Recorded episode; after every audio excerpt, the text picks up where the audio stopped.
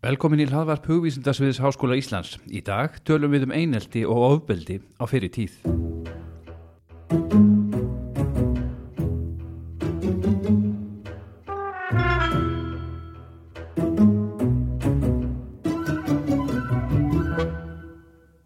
Marín Árnadóttir, mistaranemi í sagfræði við sagfræði og heimsbyggjadild Háskóla Íslands hlaut nýverið styrk úr styrktasjóði Margreðar og Bents Skeving Torstinssonar til að rannsaka einelti og ofbeldi í íslensku samfélagi 19. aldar og fyrirluta 20. aldar.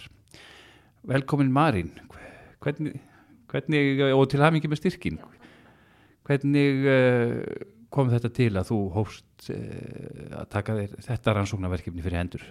Sko uppafið á þessu og í rauninni forsendan fyrir rannsókninni framöndan uh, mári ekki til verkefni sem ég vann síðast að sumar og það var sem sagt hérna hluti af uh, öndviðisverkefni innan háskólans sem nefnist föllun fyrir tíma föllunar, stort rannsóknarverkefni, marga fræðigreinar komaði og það eru með alls sagfræðin og mitt verkefni var sem sagt einmitt undir svona sagfræð hluta þess og undir stjórn uh, Sigur Gila Magnussonar, sagfræðprofessors og Solvegar Ólafsdóttur, doktorsnemi sagfræði og þau muni mitt líka uh, halda áfram að leiðbina mér í komandi rannsókn og en sem sagt mitt hlutverk í þessu verkefni síðast að sumar fólst í því að í rauninni fari gegnum prentar heimildir frá 19. öld og fyrirluta 20. aldar og sapna saman frásögnum af nafngrindum einstaklingum sem töldust óvunilegir á einhvern hátt og það kann til dæmis verið vegna andleira eða líkamleira skerðinga um, eða bara óhefbundina lífsáta, klæðaburðar,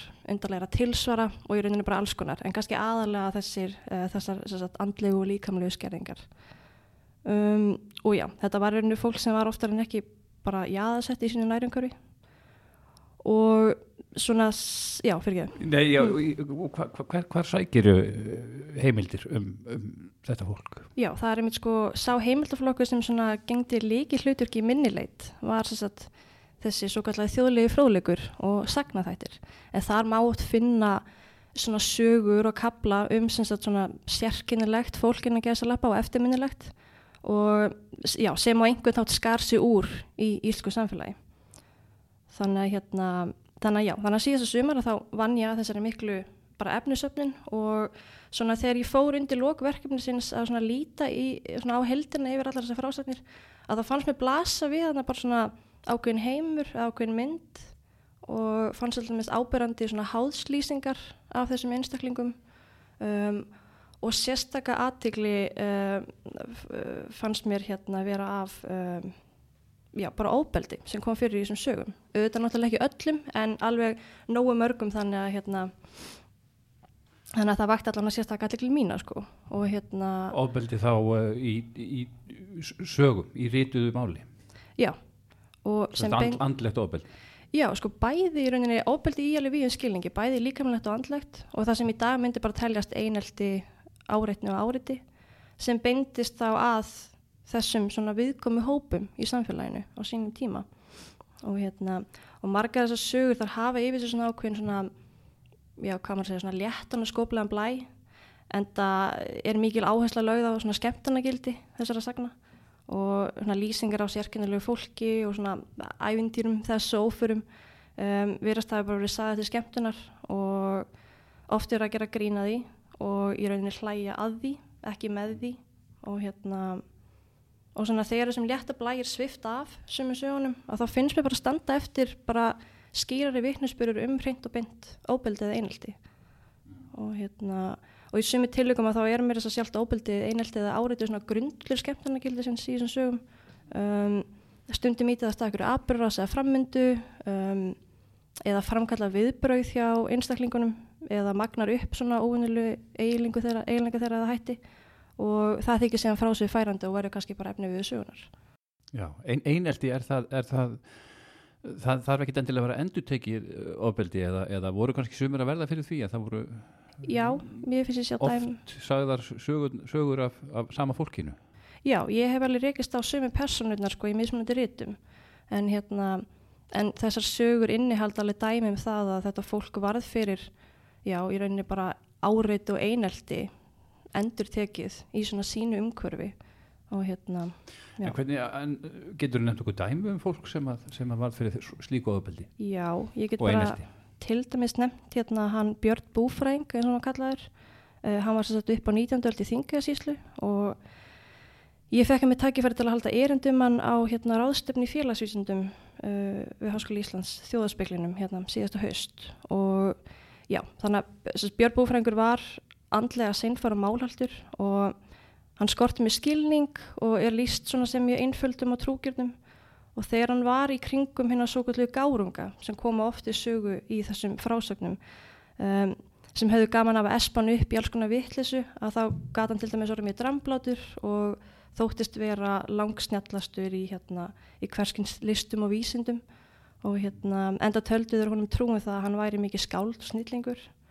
En svona í flestum greinum og það fekk hann viðunöfni sem sagt búfæringur en mark með gárunguna með því að tellja honum trúum hvað hann væri uh, snjallur var oftast til að hvetja hann til ákveðna hluta. Um, oftast einhverja hluta sem þeir goti skemmt sér yfir og hleyðað og til dæmis vakti hann mikla kátinu þegar hann byrjaði að syngja og dansa en því líst svona hvernig hann leki um að takta með því að báða höndum og fótum og svona með tilhörandi látum og svo var hann svo málhaldur og hann gæti varla bórið fram sem sagt tvöð og þrjú orði í senn um, með réttum frambyrði þannig að úr varðfremi svona skringilur söngur þar á ekki. En og sagt er sem sagt að bara sumt fólk hafi orðaðali vittlust á hlátri og á mannamótum og það gripu ákveðnar aðlar of tækifærið og svona espuð hann upp í einhver álíka atriði. Og, og jafnframt er tala um að þeir hafi kvartan óspart til að segja svo til hvern fólki og hjálpu, eða þess að lugustundum að honum að heinar þessar stúlkur var alveg yfir sig ástofnar á honum og hjálpu honum síðan að skrifa ykkur byðilsbref og löng svona ástarljóðabref Uh, og þetta verist jafnvel hafa gengið svo langt að, að bara til vandra að kom því að það er eiginlega gefið í skina hérna, eða bara sagt að um tíma gerðist hann svo áslitin við hvern fólk að gárungarnir, vinir hans sinna geðsalapa, uh, urðuð svona að hafa á hann allar gætur eftir að þeir voru búin að spanna hann upp á annar borð. En um, sérðu ykkur merkjum það að, uh, og er ykkur heimildur um það að það hafi, ykkur hafi komið þessum manni eða ykkur slíku fólki til varnar? Uh, já, það var kannski sko náttúrulega oft fjölskyldan, ef að fjölskyldan var til staðar þá var það kannski svona já svona kannski þeir aðilar sem kannski komið þessu fólki til varnar eitthvað. Og það kemur fram í heimildum eða eitthvað? Já, en stundum er þess að reyndar sko jafnvel í hérna í tilviki Björns búfræðings að þá hérna þá var það minni með máur hans sem var líka alveg að taka þátt í þessu svona bara, já, einelti, gagvartónum sko. Þannig að það er ekkit, þannig að hérna, það var líka alveg fjölskyldumælimir sem voru að taka þátt kannski eins og í, hans tilviki. Getur þú nefnt okkur dæmi um fleiri? Já, sem sagt, um, kannski önnur svipu saga og hjá honum Byrni að það er sagan um hann Jón Gissursson, hann var sérst upp á 19. öldi í Reykjavík, var vinnumæður hjá Bernhöft Bakara. En hann var sérst seinfara einhverju leiti, aldrei almennilega talandi en teljandi og sagan er svo að einhver tíman mistókst honum að lóa ketti og eftir það var gert mikið grín á hann og hann var alltaf kallar eftir þetta Jón Kiskis og hvort sem hann var út á götu eða inn í búðum eða bara hver sem er að það mátt hann hvar að heyrað kallað á sig Kiskis eða mjálmað á sig. Og sagan segir að þótt hann hafi nána stört að heyra þetta bara daglega að þá tók hann því alltaf nærrið sér og reyttist mjög hvert skipti. Og já, þegar maður lesi þetta þá bara svona, það verður hann hafi bara farið mikið uppnámi hver skipti sem þetta uh, gerðist. Og, og þetta er ekki meira þess að eina áriði sem hann verðist hafa þurft að þóla heldur eru mörgunni dæmi uh, í frásögninu um hérna önnur, önnur einhver atriði og hérna og svona sem sína hvernig hann var ertur og espaður upp á ymsan hátt og í rauninu bara háður að háða spotti af þessum gárungum í bænum, bara allir sem er björn. Og, og það er sko þessir gárungar koma oft fyrir í þessum sögum. Þetta er svona einhver, svona, þetta er svona samheiti eiginlega bara yfir það sem spiluð með þetta fólk kannski og, hérna, og leikur sér að því. Og er ofta bakvið svona, þú veist skrýpalætina vittlisuna eða, eða hérna, já aðtriðin í sögunum sko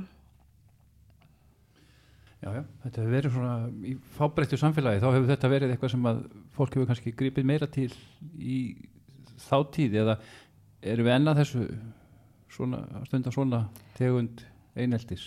Sko ég gera grínað lítil magnanum eða eru við alveg hætti?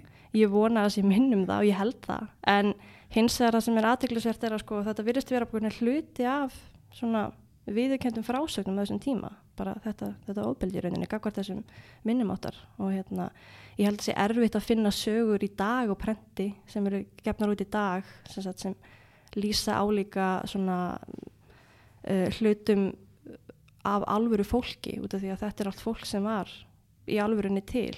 Og hérna síðan náttúrulega spurning sko hvort að þessar sögur séu kannski eitthvað svona íktar út af því að náttúrulega eins og ég sagði á þann að skemmtana gildi það er oft skiptimáli í sögunum. Og hérna þannig að kannski er þetta svona fært í stílin en þetta fólk var samt til og hérna og já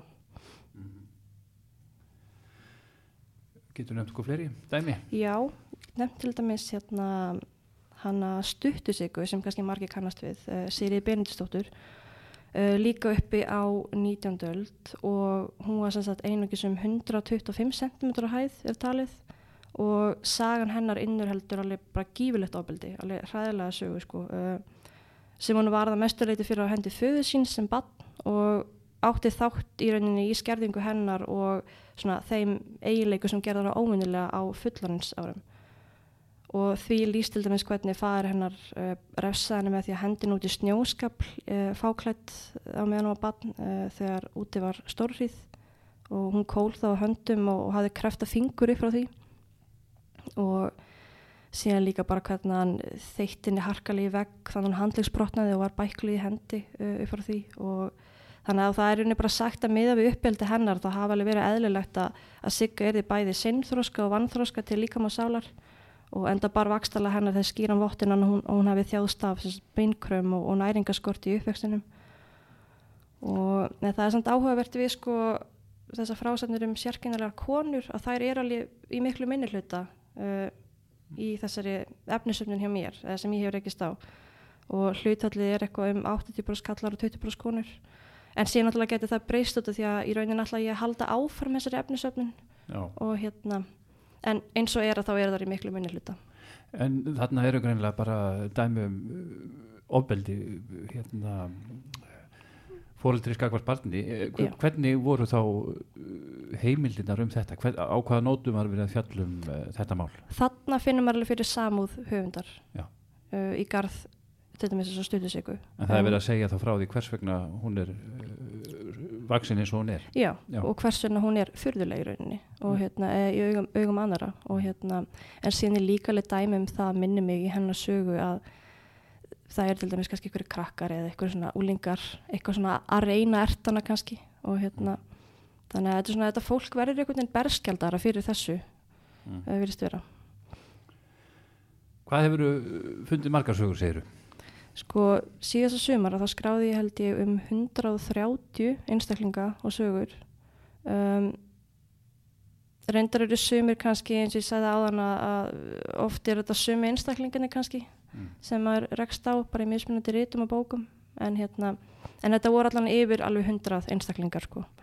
Og sagt, fyrst á dagskrá hjá mér um, við rannsóknuna framöndan verður að, að halda áfram efnisöfnuna þessu tægi og með áherslu þá á þessar frásagnir og lýsingar en ég ætla að gera sérstaklega rannsókna á tímari.is með þá í rauninni markvísir leitað ákveðnum hugtökum og orðum sem voru nótuð um, um hérna, marga svona, þessa einstaklinga á sínum tíma orð sem við heyrum sjaldan nótið í dag um, já dæmi bara sem þú veist fábjóni, fáiti, kryplingur aumingi og svona svoleiðis orð sko. Einmitt, einmitt Hvernig er dreifingin um landið? Finnur þú svona sögur allstaðar af, landinu? Uh, já, ég endur er ekki alveg búin að skoða það sérstaklega en Nei. þetta er alveg, já ég held þetta sé alveg um all land mm. um, meira þess að ég er Reykjavík líka þannig að já Þetta hefur verið svona bara hluti af, af tíðarandanum á þessum tíma Já, mér finnst þetta sko sína líka svona ákveðið samskipta munstur sem verist að vera sterkur hluti íslenskrar alþjóðamenningar á sínum tíma þar sem í rauninni bara farið illa með ónilegt fólk og svona gefið hálfgeitt svona skotleifi á það einhvern veginn mm. þannig að já, mér finnst alveg þessar hérna, og tilgóta rannsöndarinnar er í rauninni svo að svona menning óbyldis eða einhildis menning hafi hérna þrifist í íslensku samfélag fyrir tíð og eins og þessar heimildir verðast sína og verður svona hluti mitt af þessum viðkendu frásögnum eða skemmtisögum af af jáðasöldu fólki. Einmitt. Uh, og þessi, þetta er veljú styrkur já og hann nýtist til þess að uh, þá, eins og þú segir, halda áfram að rannsaka finna, fle finna fleiri sögur og þess Já. hver, hver, hvað, hvað ætlaði að vera sinna þessu lengi? Er eitthvað ljóst með það? Uh, nei, ekki alveg, en sko ég ætla að byrja í sumar og síðan vonandi að það mun hérna afrakstur rannsóknarinnar byrtast í hérna í bók sem myndi komast á næsta ári, myndi koma út á næsta ári segi, og hérna í bókafloknum sínisbók Íslenskrar alþýðamenningar og við ætlum sem sagt nokkur að skrifa greinar í það bók um, og þemað er þá í rauninni sem sagt, já, að þættir af óvinnilegu fólki. Mm -hmm. Þannig að já, vonandi bara hérna munu niðurstöðunar byrtast í þeirri bók. En þú ert uh, meistaranemi, þú talar hérna verkefnin sem að býða þín hljóma svona meira eins og þú sért í doktorsnami en, en uh, þú hefur hérna greinlega nóg fyrir stafni en þetta er, þetta er ekki einu svona lokaverkefni í, í meistaranami, þú ætlar að fjalla um eitthvað annað í, í þar, getur, getur þú sagt okkur eitthvað eins og af því? Já, ég hérna, það er unni eitthvað svolítið allt annað en já, ég ætla að, hérna, að skrifa um uh, í lokaverkefninu um uppaf og innkomi getnaðavannapillunar á Íslandi á sjönda áratunum. Er það lítið rannsakað efni? Uh, já, það verðist vera. Já. Ekki mikið um það allavega. Eitthvað sem þú getur sagt okkur svona frá eftir, eftir fyrstu skoðun eða, eða það sem ert búin að, búin að rannsaka nú þegar? Sko, ég kannski er ekki, ekki kannski komið nógu vel inn í þetta efni. Ég, hérna, en planið er að taka viðtöl, að reyna að finna konur sem voru ungar á þeim tíma þegar pillan er að koma í rauninni til landsins og hérna og afla þannig í rauninni, já, munlegra heimilda um svona hvernig bara hérna, aðgengi var að henni, um, hvernig pilan fór í konur, þannig að hún var svakalega miklur hormonar í henn á þeim tíma þegar var fyrst að koma, sko, en hérna, já, þannig að En þetta er mikil að, og kannski menningarbylting sem við höfum ekki fjallað mikið um. Algjörlega. Marín Árnardóttir, meistarinn í Sakfræði, takk fyrir að segja okkur frá rannsók þinni á einelti og ofbeldi á fyrir tíð. Ykkur kæri hlustundur þakka ég áhernina og minni á að þið geti gerst áskrifundur að hugvarpi, hlaðvarpi hugvísindasviðs Háskóla Íslands á iTunes, Spotify og öðrum hlaðvarpsveitum.